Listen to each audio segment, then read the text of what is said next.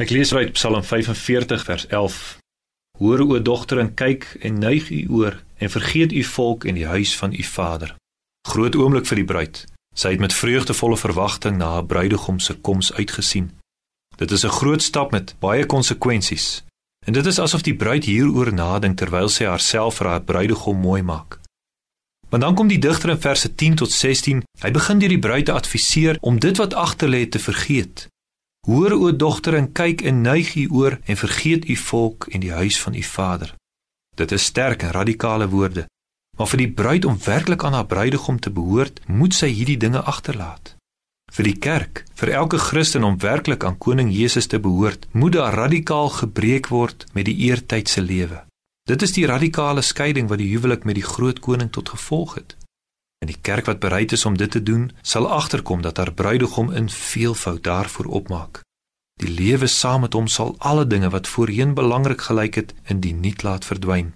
Ons bruidegom, Jesus Christus, het vanuit sy hemelse woning die reis gemaak na ons aardse woning.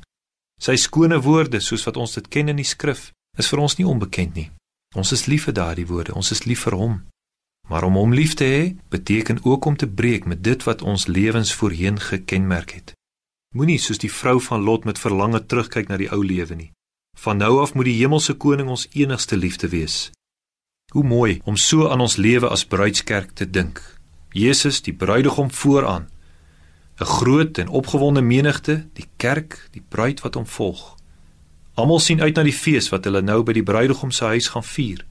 In feite gaan dit oor die koning se paleis. Daar sal die groot fees gevier word.